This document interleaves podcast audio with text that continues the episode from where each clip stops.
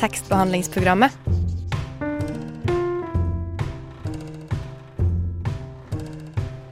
Tekstbehandling på radio.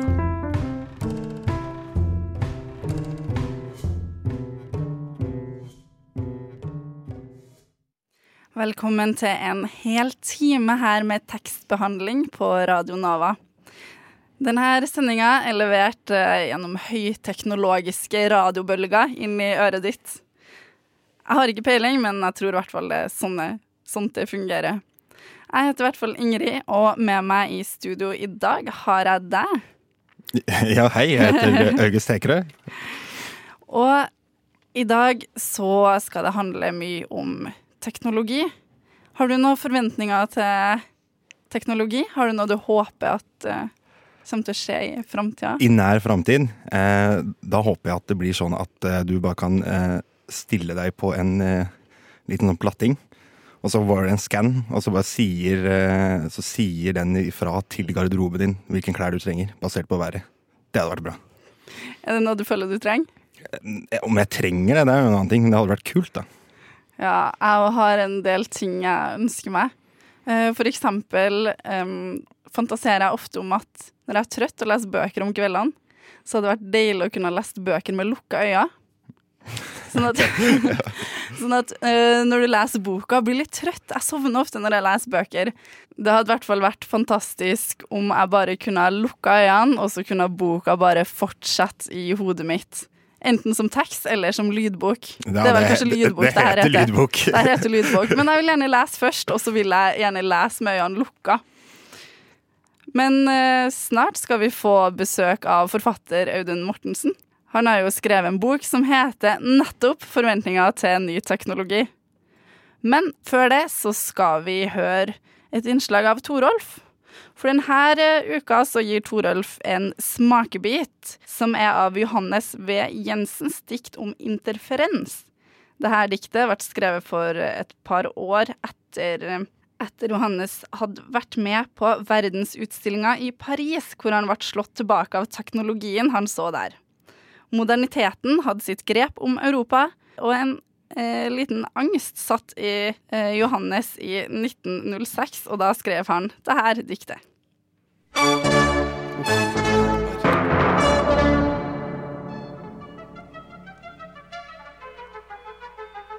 Interferens.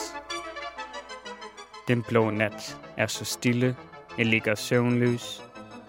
Stilheden vider sig og klinger. Det er lyden af tusinde miles tomhed. Det er rummets monologer, hvis ringe mødes med tidens tonløse cirkler. Min puls, mit hjertes hede spænding holder mig vågen, men jeg overvejer med kølig hu. En kraft passerer mine nerver, og jeg ligger som livløs. Længe tænker jeg med iskold ro på den flammende utålmodighed, der er min skæbne. Pludselig føler jeg ganske fattet, og uden at røre mig, en udlidelig smerte slå ud i min bevidsthed og svinde igen. I morgen skal jeg stå op, ladet med æder og livslyst, som alle morgener før.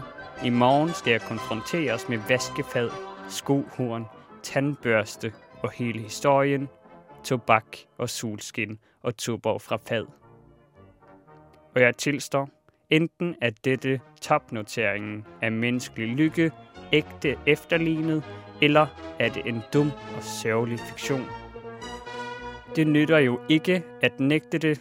Jeg nærer en sønderdelende proces i mitt hoved, så sårer jeg tenker. Min bevidsthed arbejder skærende. Jeg ødelægges af drift til trods for mig selv. Intet er sandt. Intet er umagen værd. Aldrig har der været følt smerteligere hovmod, end det, jeg alene føler ved besiddelsen af mit sinds knivsystemer. Når forestillingen om verdens topmålte under mødes med overbevisningen om alle tings endelighed, da lever jeg. Denne knagen af akslerne, dette djævelske sammenstød af psykisk lid, frigør de transcendentale smertevibrationer, der er formen for mit inderste jeg. Min bevidsthed ytrer sig som sjælelig interferens. Selve det skrigende forhold mellem alle øvrige harmoniske virkeligheder er mit indres gennemtrængende tonart. To diametralt modsatte livsbevidstheder mødes og skærpes i mit hjerte. Den blå nat er så stille, jeg ligger søvnløs. Stilheden vider sig og klinger, viner og skingrer. Det er lyden af tusinde miles tomhed imellem de kværnende stenkloder. Det er rummets monologer, hvis ringe mødes med tidens tonløse cirkler.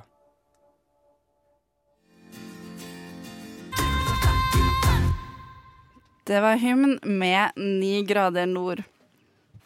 Og nå så har vi fått besøk av deg. Velkommen, Audun Mortensen. Takk. Du er jo gammel eh, nover, fortalte du meg. Hvordan er det å være tilbake? Litt uh, kaldere enn jeg husker det. På hvilken måte? Temperaturmessig, eller uh, syns du ikke at det er så hyggelig her? Det var uh, utelukkende gradestokkmessig. Ja, bra. Jeg ser du sitter med jakka her, men du er jo her for en grunn. Du har jo nettopp kommet med en bok som heter 'Forventninger til ny teknologi'. Hva, hvorfor har du gitt ut en bok her? Ja, godt spørsmål. Um, det spørsmålet stiller jeg meg egentlig aldri nøye til en bok, men uh, siden du spør uh, Jeg var jo uh, Jeg hadde jo skrevet Eller jeg har jo vært veldig opptatt av eh, å finne på nye teknologiske oppfinnelser eh, som jeg har skrevet ned gjennom eh, ja, de siste årene. Um, ting som jeg kanskje ville lagd hvis jeg var eh, Elon Musk eller en sånn type. Men eh, det er jeg ikke, så da er jeg nødt til å forsøke å skrive det ned eller artikulere disse oppfinnelsene. Um, og, og gi det ut uh, som bok da, når jeg har fått samla nok av de. Uh, og det hadde jeg gjort nå, syns jeg. Um, ja, uh, så det er ulike forslag eller ideer til eh, nye teknologiske verktøy eh, eller hjelpemidler. Mm. Og det her med teknologi, det er jo et, eh, altså det er et gjennomgående tema i Spesielt i den, kanskje den boka her, men i flere av dine tidligere bøker også. Men det er jo sånn at eh, du verken har Facebook, Instagram eller Twitter. Og hva er da egentlig ditt eget Ikke at bare det er eh, teknologi, da, men hva er ditt personlige forhold til teknologi? Ja, um, det er jo veldig mye, selvfølgelig, som er teknologisk. Altså, det jo, selvfølgelig så har du det med at eh, alt er vel egentlig teknologi, det vi omgis av i dag, enten det er en papirbok eller en eh, brusflaske. Men ja, det er jo det som boka kanskje handler mest om, og det som man bruker i dagligtalen, er vel ja, en slags uh, informasjonsteknologi eller kommunikasjonsteknologi, og så etter hvert litt mer sånn kunstig intelligens. Og ting som kan brukes på eh, smarttelefon og data. Så det er jo det også boka sine oppfinnelser eh, dreier seg om. Um, spørsmålet om jeg Sosiale medier? Ja, ja. Ja. Eh, jo, det Jeg har brukt det før, eh, så det er ikke noe sånn kjempefjernt for meg. Jeg har brukt eh, litt eh, Twitter før, og litt Facebook for år, eller mange år siden. Jeg husker at jeg slettet kontoen min i 2011. Mm. Det var rett før det ble innført en timeline, Mm. hvis dere husker Mm. ja, ja, ja. Uh, og da var det mye sånn uh, Man måtte lese igjennom uh, av, for å signere eller godta, Mm. akseptere ting. Og så hadde jeg ikke lyst til å bruke så mye tid på det, og så ante meg at det kom til å bli gradvis mer og mer sånn type ting. Da. Man må lese igjennom, og så Mm. blir det forandringer i grensesnitt og ting du må godta, og det or orka jeg ikke å drive med. Orket å forholde deg til det, rett og slett? Nei, og da, da tenkte jeg at ja, da kan jeg av avslutte det. Da. Ja, det tror jeg er smart. Du har avslutta det, men du har funnet på en hel haug med nye teknologiske greier og nyvinninger i boka di, så jeg lurte på om du kanskje kunne ha lest litt eh, fra den, så vi får høre. Ja. jeg starter på starten, og um, det blir vel kanskje en sånn cirka 20 forskjellige forventninger til ny teknologi. Vær så god. Ny teknologi regner ut hvorvidt daglig meditasjon vil gi deg økonomisk gevinst. Ny teknologi gjør det nøyaktig like fysisk og psykisk utmattende å se på en idrettskonkurranse som det å delta. Ny teknologi skreddersyr konkrete anvisninger og råd om hvordan du snur stemningen og vinner en ellers tapt diskusjon. Ny teknologi sorterer bekymringene dine etter hva du kan, bør og må bekymre deg for. Ny teknologi påviser hvorvidt du har hatt dine beste stunder i selskap med snille eller slemme personer. Ny teknologi lar deg drømme videre på en drøm som ble avbrutt av at du våknet, og lar deg gjenoppleve de bitene av drømmen du likte best. Ny teknologi gjenskaper den gode følelsen av å ha kjøpt noe på tilbud. Ny teknologi appliserer teori på kulturelle fenomener med lav anseelse, slik at alle fenomener oppnår samme anseelse. Ny teknologi varsler deg før barnet ditt blir sint eller fortvilet over beslutningene dine, slik at du kan ta ett skritt tilbake og betenke deg. Ny teknologi lar deg spille av den indre monologen til T-baneføreren i hodetelefonene dine når du tar banen. Ny teknologi angir hvilke matvarer du av identitetspolitiske årsaker må holde deg unna. Ny teknologi gjør at øyeblikkene du har høy selvtillit, sammenfaller med øyeblikkene du trenger å ha det. Ny teknologi skreddersyr konspirasjonsteorier etter forbruksmønsteret ditt. Ny teknologi kalkulerer hva menneskeheten kan gjøre akkurat nå som om en milliard år vil bli sett på som det mest beundringsverdige ved menneskene. Ny teknologi avspiller en endeløs rekke tablåer hentet fra din sjefs dagligliv. Brysomme sosiale situasjoner, profesjonelle blundere, munnhuggeri med ektefelle. Tusen takk. Eh, vi skal snakke enda mer om eh, teknologi og om boka di senere. Um, men eh, og etterpå så har vi lagd en liten quiz som vi tenkte kanskje at du kunne få prøve deg på, som het, vi har kalt Utopi eller teknologi. Men aller først så skal vi spille en låt som du har valgt. Det er Stick med Snail Mail. Har du lyst til å si et par ord om den før vi spiller av? Ja, det er en uh, sang Det er vel en popsang, da, uh, som jeg har hørt veldig mye på i det siste, og helt siden jeg begynte å jobbe sånn aktivt med denne boka her. Jeg vet ikke så veldig mye om artisten, da, bortsett fra at hun kaller seg Snail Mail. Eh, og det er jo et tiltrekkende artist nå, syns jeg. Men veldig flott album. Jeg husker ikke helt hva albumet heter, men dette her er i hvert fall den sangen jeg har hørt mest på av uh, sangene hennes.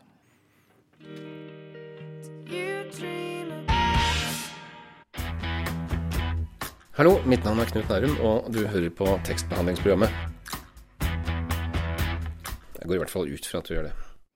Det var Snailmail med stikk. Vi har fremdeles Audun Mortensen her på besøk i tekstbehandlingsprogrammet, som har gitt ut boka 'Forventninger til ny teknologi'. Derfor så har vi arrangert en liten quiz. Er du klar, Audun? Ja. Quizen heter Utopi eller ny teknologi, og den foregår sånn her. August kommer med et produkt eller en tjeneste, og så må du resonnere deg fram til om det er utopi eller ny teknologi. Ok. Du skjønner reglene? Ja. Vi spiller utopi eller ny teknologi. Er det utopi eller ny teknologi?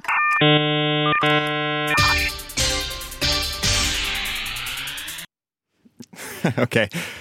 Ok, Det første tingen vi skal lure på om er utopi eller ny teknologi, det er en bikini som er laga av solcellepanel, slik at du kan lade iPhonen din når du er på stranda. Er det utopi eller ny teknologi?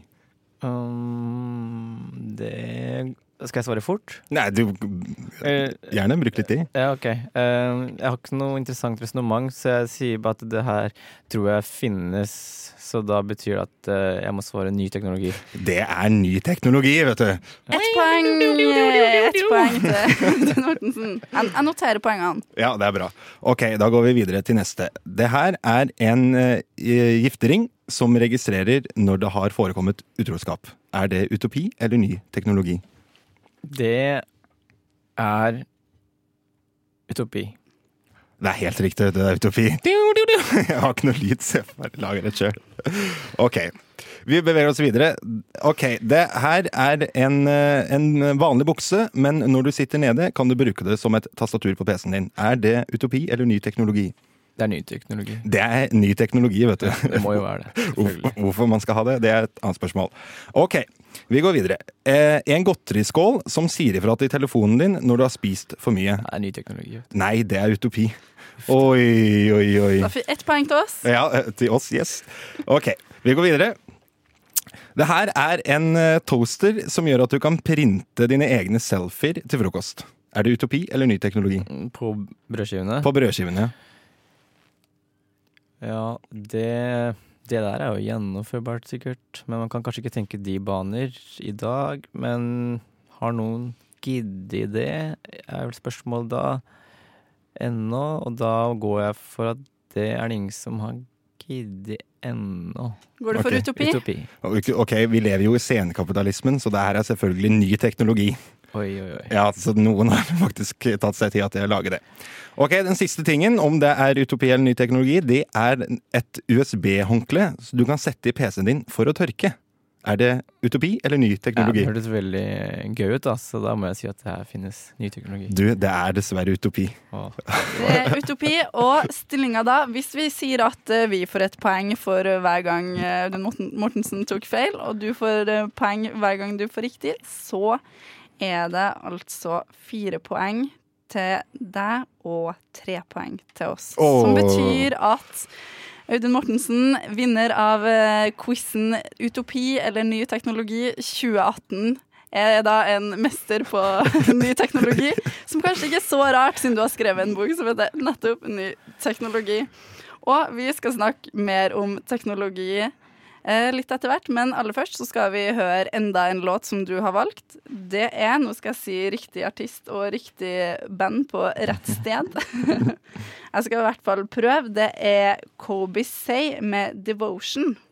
Ja, eh, jeg tror egentlig liksom selve hovedartistene tror jeg er det første navnet der. Å ja. Tirasa. Jeg valgte, Ja. var litt usikker på Ja, hva gikk, som var hva. Altså, det gikk for den andre.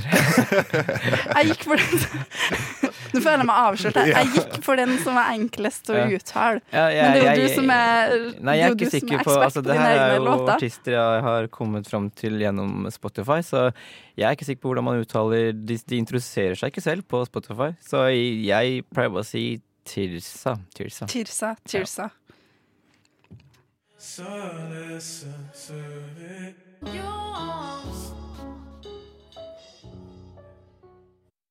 Du lytter til Radio Nova.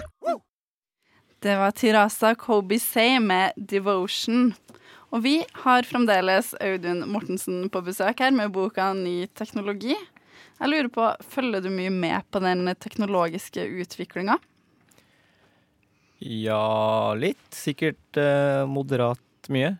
Prøver å mm, Ja, leser ikke sånn aktivt noen sånne teknologiske mm, orienterte aviser eller nettsteder, egentlig, men eh, ja, jeg har vært litt eh, interessert i eh, ting som har blitt eh, drevet med i Silicon Valley-aktige miljøer de siste årene. Med figurer som Elon Musk og Peter Thiel og litt forskjellige sånne investorer og eh, ja, hele den startup-industrien, da. Mm. Som eh, ikke bare er egentlig lokalisert i Silicon Valley, da, men det er vel det man oftest hører om. Og um, ja, så det er hele, hele det å skulle eh, forsøke å um, bedre, kanskje. Eh, Det er vel det som er innebygd da, i det med ny teknologi og ny teknologi. Hvorfor jeg vil bruke i tittelen og som en sånn hovedting i min bok, er vel at eh, det er et veldig etablert uttrykk eh, blitt, Se om det betyr egentlig ganske Det er vagt, kanskje, da, ny teknologi, men det er veldig sånn distinkt i dag i hvordan man tolker det. Ny teknologi ofte da positivt, og ofte da knytta opp mot eh, fremskritt, eller um, gjerne forbrukerteknologi. Noe som kan hjelpe, hjelpe en å avlaste en i, i hverdagen, men også noe som kan også bringe menneskeheten et steg videre, eller noe sånt noe. Men er du positiv eller negativ? Hva tror du om den retninga verden tar? Er det Tror du ny teknologi er positivt, eller er det problemer med det? Ja, det um, ja, Det er jo et viktig spørsmål. Men mitt svar på det er jo Det tror jeg må bli veldig forutsigbart. Uh, altså, det er jo begge deler, selvfølgelig. Uh, og det er jo en av grunnene til at jeg vil skrive en sånn bok som det her, som lister opp, eller um, hvor jeg på en måte kan ta meg friheten til å ramse opp en god del fordeler og ulemper med det. Sånn at jeg ser på det som en slags science fiction-bok, og da er jo alltid spørsmålet er det dystopisk eller er det utopisk. Og for, selv så er jeg, ikke, jeg er ikke helt sikker, men jeg tror at det kommer veldig an på hva slags person hun er når hun leser boka. Og da tror jeg det er noen som kan oppfatte at den og den, den um, teknologien eller um, fiktive oppfinnelsen er utopisk, og så vil kanskje en annen tenke at den er definitivt dystopisk. For min del, da jeg leste boka, så leste jeg det som en utopi først. Men etter hvert som det ble på en måte mestende og opplistende og ramsende opp, så følte jeg mer og mer at den var dystopisk. Um, ja, det kan hende mange vil tenke det. At det kanskje er litt sånn melankolsk eller noe sånt. Noe. Jeg ser jo det på den musikken jeg har valgt ut til dere, at det var voldsomt melankolske sanger, egentlig. Jeg, Det må ha vært en musikksmak jeg har lagt meg til på et tidspunkt i tenårene aldri helt blitt eh, kvitt. Mm. Men eh, ja, det kan godt hende at det er litt sånn, eh, litt sånn stemning i boka. Selv om jeg tror også at eh, hovedpoenget var vel også å finne en måte å skrive om en del menneskelige problemer. Altså helt sånn grunnleggende menneskelige problemer, men også mer detaljerte, hverdagslige bagateller, nærmest. Eh, men skrive om det på en mer indirekte måte, da, hvor jeg da tilbyr på en måte en um, løsning på de problemene. Kanskje du kunne ha lest noen flere løsninger på problemer fra boka di?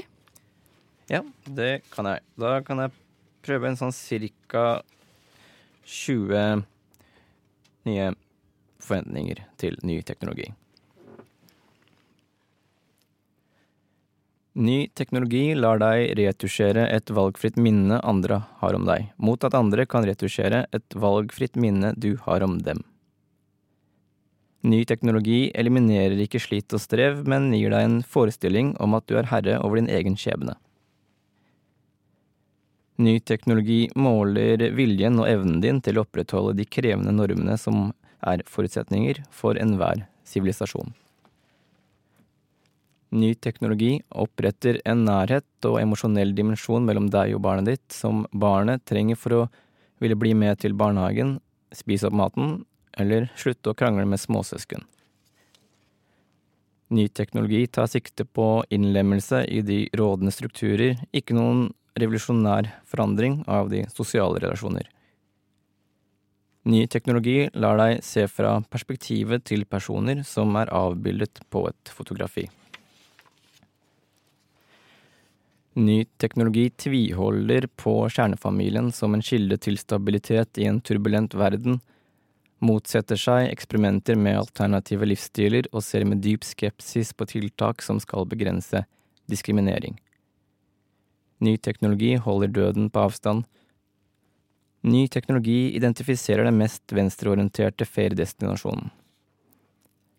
Ny teknologi identifiserer hvem som har de samme falske minnene.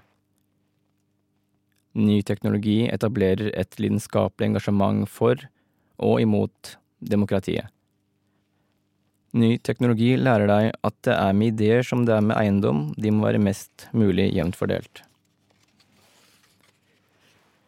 Ny teknologi gjør forestillingen om en offentlighet suspekt og framstiller offentligheten som et fantasifoster, ute av stand til å forvalte offentlige anliggender på en intelligent måte. Ny teknologi demonstrerer hvordan en absurd, parodisk eller uhørt fortolkning gjør at det selvfølgelige mister sin aura av selvfølgelighet. Ny teknologi loggfører alt overjeget ikke har rukket å sensurere opp gjennom årene. Tusen takk. Ok, Da skal vi bevege oss til eh, neste låt som du har eh, valgt for oss, Audun. Eh, og da kan du gjerne eh, fortelle litt om den. Ja, det er um, en sang som jeg også har hørt veldig mye på i det siste. Og i forbindelse med denne boka. Eh, ikke noe sånn teknologisk, tematisk eh, tilknyttet, så vidt jeg har hørt eller vet. Men eh, jeg har jo blitt litt interessert for denne artisten nå gjennom Spotify, som jeg begynte med for ikke altfor lenge siden. Og da genereres det en sånn daily mix daglig, er det vel? Mhm. Og det har jeg vært kjempefornøyd med. Eh, Det er jo på en måte en ny teknologi, det også. Ja, det, det er det. Og mye av min oppfinnelse er jo liksom dikta opp etter en sånn type modell, da. At det er en tjeneste eller en form for eh, algoritmisk eller kunstig intelligensaktig eh, tjeneste som tilbyr en løsning på noe som eh, har vært sett på som eh, slit eller unødvendig fra før. Og det tilfellet her er da å finne fram til nye sanger, eller kuratere din egen musikksmak. Men nå er den da ferdig kuratert eh, av Spotify. Og en som var ferdig kuratert, som du har tatt med videre til oss, er Sandy Alex G med Boy.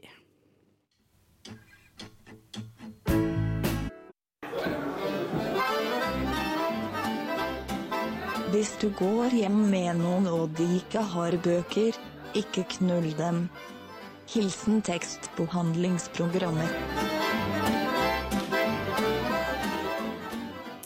Ja, du hører på tekstbehandlingsprogrammet fremdeles her på Radio Nova, og vi har fremdeles Audun Mortensen på besøk. Og du, Audun, du blir ofte omtalt som en konseptuell forfatter. Hva Kjenner du deg igjen i det? Mm, nei, egentlig ikke. Eller det kommer litt an på hvordan det omtales, eller hvordan jeg blir omtalt. Men, men jeg, jeg skjønner hva det går ut på. Eh, og, og bare sånn kort eh, Eller sånn jeg tror det, hva jeg tror det går ut på, så må det vel være at eh, jeg ofte har en idé til en bok, og så blir eh, formen på boka eh, nærmest diktert av ideen, og ikke omvendt. Så for eksempel, jeg bestemmer meg ikke først for å skrive Nå skal jeg skrive en roman, eller nå skal jeg skrive eh, samme type dikt, eller nå skal jeg skrive noveller. Men en eller annen eh, idé eller eh, noe sånt noe, eh, om noe. Og så er det den ideen som eh, Eller flere ideer, da, som jeg forfølger og prøver å finne ut av hvordan jeg kan eh, gjøre om til litteratur, da. Og så blir det den sjangeren det blir, eh, hvis det er en sjanger, da. Mm, men det var jo litt eh, Før vi kom på lufta, så snakka vi litt om skriftstørrelsen på boka di, fordi den er uvanlig stor. Har det noe med konsept å gjøre det? Nei, det, det vil jeg ikke si. Uh, jeg tror uh, det egentlig ikke. Det blir liksom andre ting. Uh, det er vel med det Det handler egentlig mer om at eh, jeg som forfatter på forlaget, Flamme forlag, som heter, og eh, designerne til Flamme forlag, som heter Jokoland, ehm, at vi har på en måte samarbeidet i alle år, eh, og har eh, et godt samarbeid om hvordan man skal løse problemet bok. Og da har vi jo muligheten til å ta oss litt mer friheter, kanskje, og, og ha litt mer tid enn kanskje andre forlag. og ja, det bare, spekulerer jeg i. Men eh, det er iallfall det inntrykket jeg har, da, at vi har mer tid til å finne på de um, grafiske og trykkmessige, designmessige uh, tingene rundt en utgivelse. Jeg bruker litt mer tid på det. um, noe jeg synes er, er, er viktig. Men rent, altså hvis vi skal snakke om det idémessige, så med denne boka som heter 'Forventninger til ny teknologi', så er det vel mer det at det, det var en idé om å simpelthen eh, skrive forventninger. ja. ja, ok, men du har um altså det, nå, det kommer til å høres litt feil ut, da, men du har tidligere så har du gitt ut bøkene Roman og Samleren. da. Eh, Der den ene var Lolita baklengs, sies det, og den andre var da eh, boka The Burnt Orange Heresy, oversatt. Eh, og det var jo litt krangling om det var plagiat eller ikke, men da er jo spørsmålet hvorfor kopiere bøker? Eller blir det for dypt? Nei, det er ikke noe spesielt dypt, egentlig. Det behøver det ikke være. Det kan være det. Kommer an på hvor lang tid radioprogrammet har, eller hvor mye man skal ja, si om det. Men eh, akkurat eh, i den boka om samleren så var det jo et poeng, da. Fordi at eh, jeg, bare kort sagt, eh, var, eh, og er, veldig uenig i hvordan man vurderer litterær originalitet, eh, autentisitet, eh, helt enkelt. Eh, og det var en måte å, å finne ut litt, eh, kartlegge litt sånn Hvor er det de grensene går eh, eh, i dag, og, og hvordan er det de håndheves? Og både jeg og forlaget mener fortsatt at den boka som jeg da skrev, er eh, et resultat av et individuelt skapende arbeid, Mm. som jo skal eh, Hvor mener kalles. du at de grensene bør gå på um, originalitet og plagiat? Det kommer veldig an på hva slags, eh, hvordan verket er. Mm. Eh, så det er jo, det er jo hele tiden åpen for, for debatt. Men kan man sammenligne det med sånn sampling i musikk? For det har jo blitt mer og mer greit etter hvert. Det var jo ikke så mye greit før, men kan man si at du på en måte sampler litt andre bøker? Eh, ja, man, det kan man sikkert. Altså, det er jo en veldig typisk eh, sammenligning. Så det kan man, ja. Og, men altså, kort sagt så tror jeg jo veldig mye sånn, Hvis man skal trekke det til det mest, mest sånn grunnleggende innen kreativitet og kreativ skaping, da, enten det er musikk eller skriving eller hva som helst, så er det eh, som regel noe man går ut ifra. Det er ikke som at man eh, finner på noe helt genuint eget eh, eh, i isolasjon. Det man henter inn i sitt eget kreative arbeid, det er alltid fra et eller annet sted. Om ikke annet fra et felles språk, og det språket er jo igjen hele tiden um, kobla til måter det språket har blitt brukt på før, enten det er hentet fra print eller andre medier. Uh, så det er uh, mitt, mitt poeng med den samlerne-boka, det var egentlig, å vise, demonstrere hvordan du da veldig bevisst, hvis du aktivt går inn for å bruke andres språk eller andres litterære eh, produksjoner, hvordan er det du kan da eh, omforme det til eh, et eget arbeid. Så du vil si at eh, forfatterskapet ditt på en måte er en protest mot det modernistiske synet på at eh, alt skal være så originalt? Ja, jeg, jeg er jo opptatt av å lage karakteristiske bøker selv. Mhm. Jeg er ikke veldig opptatt av å kalle det originale, men at, at hver bok for meg må være helt karakteristisk og, mm. må jo oppleves som ny. Mm. Og den kan altså Gjerne også original på et vis, men eh, ja. Det er, det er på en måte flere måter å skape det på, da, mener jeg, enn å skulle innbille seg at man på en ja, mystisk måte har hostet opp noe helt eh, unikt av både sånn tankestoff, men også rent språklig. Men hva er viktigst av, uh, i en bok? Er det språk, eller er det konsept? Eller er det historien? Ja, det er nok Det er jo selvfølgelig begge deler, tror jeg. Jeg tror ikke det er så veldig viktig å skille det. Jeg tror vel egentlig ikke det går an å skille det. Det vil jo alltid være en veldig nøye sammenheng mellom eh, form og innhold. Men for min del så ser jeg jo tilbake på alle bøkene, og jeg har egentlig prøvd å unngå å skrive bøker som um, utfolder seg over tid, men heller skrevet da eksempel diktbøker som, og dikt som det handler om mer om å punktere tiden. Um, litt fordi jeg synes de fleste bøker, da, ja, eksempel litt mer sånn tradisjonelle romaner, da, som da handler om å utfolde uh, et hendelsesforløp over tid, det blir ofte litt kjedelig, uh, fordi det nettopp da blir den tidsdimensjonen i fortellingen som da blir litt utværende, eller at ikke de eh, putter inn nok eh, tankestoff eller påstander eller eh, informasjon eh, på en måte nok av det, da. Det blir på en måte mer en slags sånn der lang eh, timeline som man aner, og så syns jeg den timelinen, for å kalle tidslinje, eh, vil jeg heller kalle det, at den, eh, at den blir så dominerende for det litterære um, byggreisverket, sånn at det, eh, det blir for liten tetthet da, av interessant eh, stoff. Men apropos tid, så er vi tom for tid nå, men det her var interessant, og det var fantastisk fint å ha deg på besøk. Tusen takk, Audun Mortensen. Takk for at jeg fikk eh, komme. Da skal vi høre å gå, faktisk, av Skrap.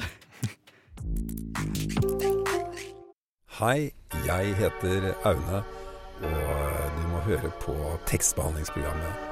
Fordi kunnskap og viten, det er det mest vidunderlige på denne jorden. Anna hun har vært innom Bislett Bok på Bislett, som har 25-årsjubileum i år. Så da skal vi høre hvordan det var når hun snakka med dem. Bislett Bok, den bitte lille, men veldig fine bokhandelen i Thereses gate på Bislett, feirer 25-årsjubileum i år. Og jeg stakk innom for å hilse på, høre litt om hvordan man driver en liten bokhandel, og kanskje få noen bokanbefalinger. Dere har jo 25-årsjubileum i år, eh, men hvordan var Bislett Bok det første året sitt? Da vi starta her, så var vi to som starta sammen. Eh, Vi hadde bakgrunn fra skolen, begge to. Mm. Eh, Og vi Men vi hadde begge lyst til å begynne å drive en bokhandel.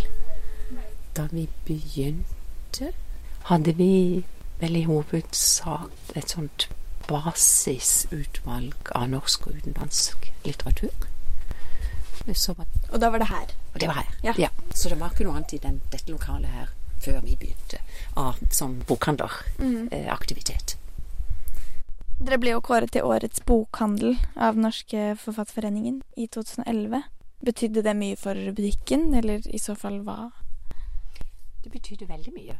Fordi at eh, det var jo en, selvfølgelig en veldig positiv oppmerksomhet. Mm. Så omdømmemessig så, så betydde det mye, men det betydde også mye fordi at eh, det går litt opp og ned i en sånn virksomhet.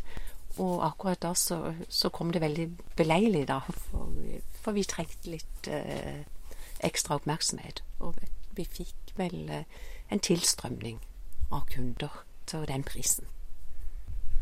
Men, ja, for det er jo en liten butikk og sikkert mange stamkunder, gjetter jeg. Ja. Ja. Eh, er det mange som begynner å ønske seg bøker inn, som eh, Ja, altså vi har jo veldig kunnskapsrike og, og kunder som leser mye. Og, og vi i, i denne bokhandelen, vi har jo et abonnement. Litteraturabonnement. Og det betyr jo at vi får inn eh, norske, altså voksenlitteratur, barne- og ungdomslitteratur, som er omfatta av innkjøpsordninga. Men så får vi jo veldig mange innspill da fra kunder, som gjør at vi kan på en måte plukke eh, og bestille etter, eh, etter slike innspill. Og, og at vi også velger veldig mye ut fra egne, egen bakgrunn. Men hvordan er det dere Eller hvordan er det du selv finner frem til bøker som du har lyst til å ta inn? Ja, nå er det jo medarbeidere som gjør veldig mye arbeid. da. Hvordan vil du si at du finner ut bøker, Susanne? Det er vel på bakgrunn uh, ja. Altså, min sånn lesning har jo vært veldig mye sånne klassikere som refererer til andre forfattere, og så lese liksom ut ifra det. Og så Det er jo litt gøy å følge med på de utenlandske avisene. Eh, engelske og New York eh, New Yorker eller eh, London Review. Og, så vet man jo ikke alltid hva som på en måte liksom slår an i Norden. Men ehm, Og danskene er jo ofte litt sånn foran Norge. sånn. Og så går vi jo veldig systematisk altså igjennom forlagskatalogene altså til de forskjellige forlagene for å se, for å holde oss orientert om backlisten. Men er det noe dere har tatt inn nylig som du kan anbefale? Uh, jeg kan anbefale Laure Segal, 'Other People's Houses'. Men har dere noe For jeg er veldig glad i absurde bøker. Har dere noe merkelig nå liggende? Merkelig nå skal vi se Her er jo en sånn absurd historisk roman. Den heter Eh, Daniel Kjellmann. Tyll. Eh, 'Kasser' av Kristoff Tarkos. Som er en em, en fransk eh, dikter som skriver ganske litt sånn absurd og, og em, abnormt. Veldig morsomt, veldig litterært. Eh, veldig sånn presist. Kanskje en av mine favoritter norske forfattere er Ingvild Bøki. Et underlig redskap som kom for et par år siden, som fikk nesten ingen veldig lite omtale og oppmerksomhet. Og Robert Lax, en ting som er amerikansk poet, som skriver veldig mye om eh, eksistensen. Heinesen forlag har laga eh, tre sånne små esker med småbøker oppi. Den ene er fire britiske klassikere. eh, Og så er det Tove Jansson eh, fire noveller. Og så er det Sagerløf sine eh, julefortellinger. Fire julefortellinger i sånne bokser.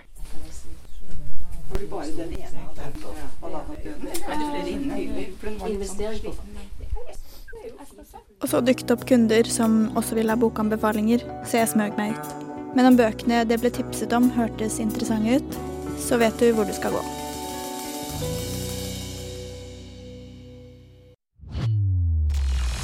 Jeg har egentlig sagt det, men jeg kan si det en gang til. Radio Nova. På, DAB nettradio. På radionova.no.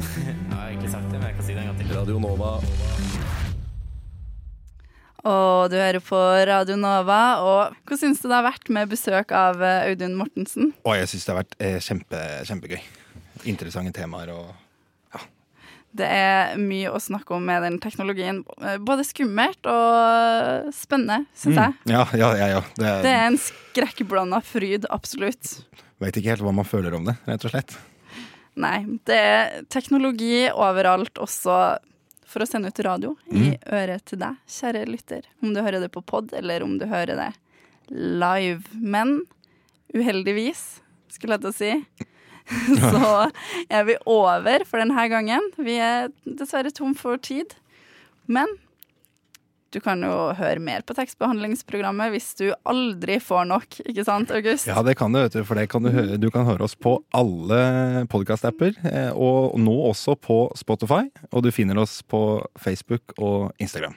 Reprise også neste søndag, hvis du har lyst eh, til å høre det. Og i tillegg så er vi jo tilbake her neste onsdag klokka ti som vanlig.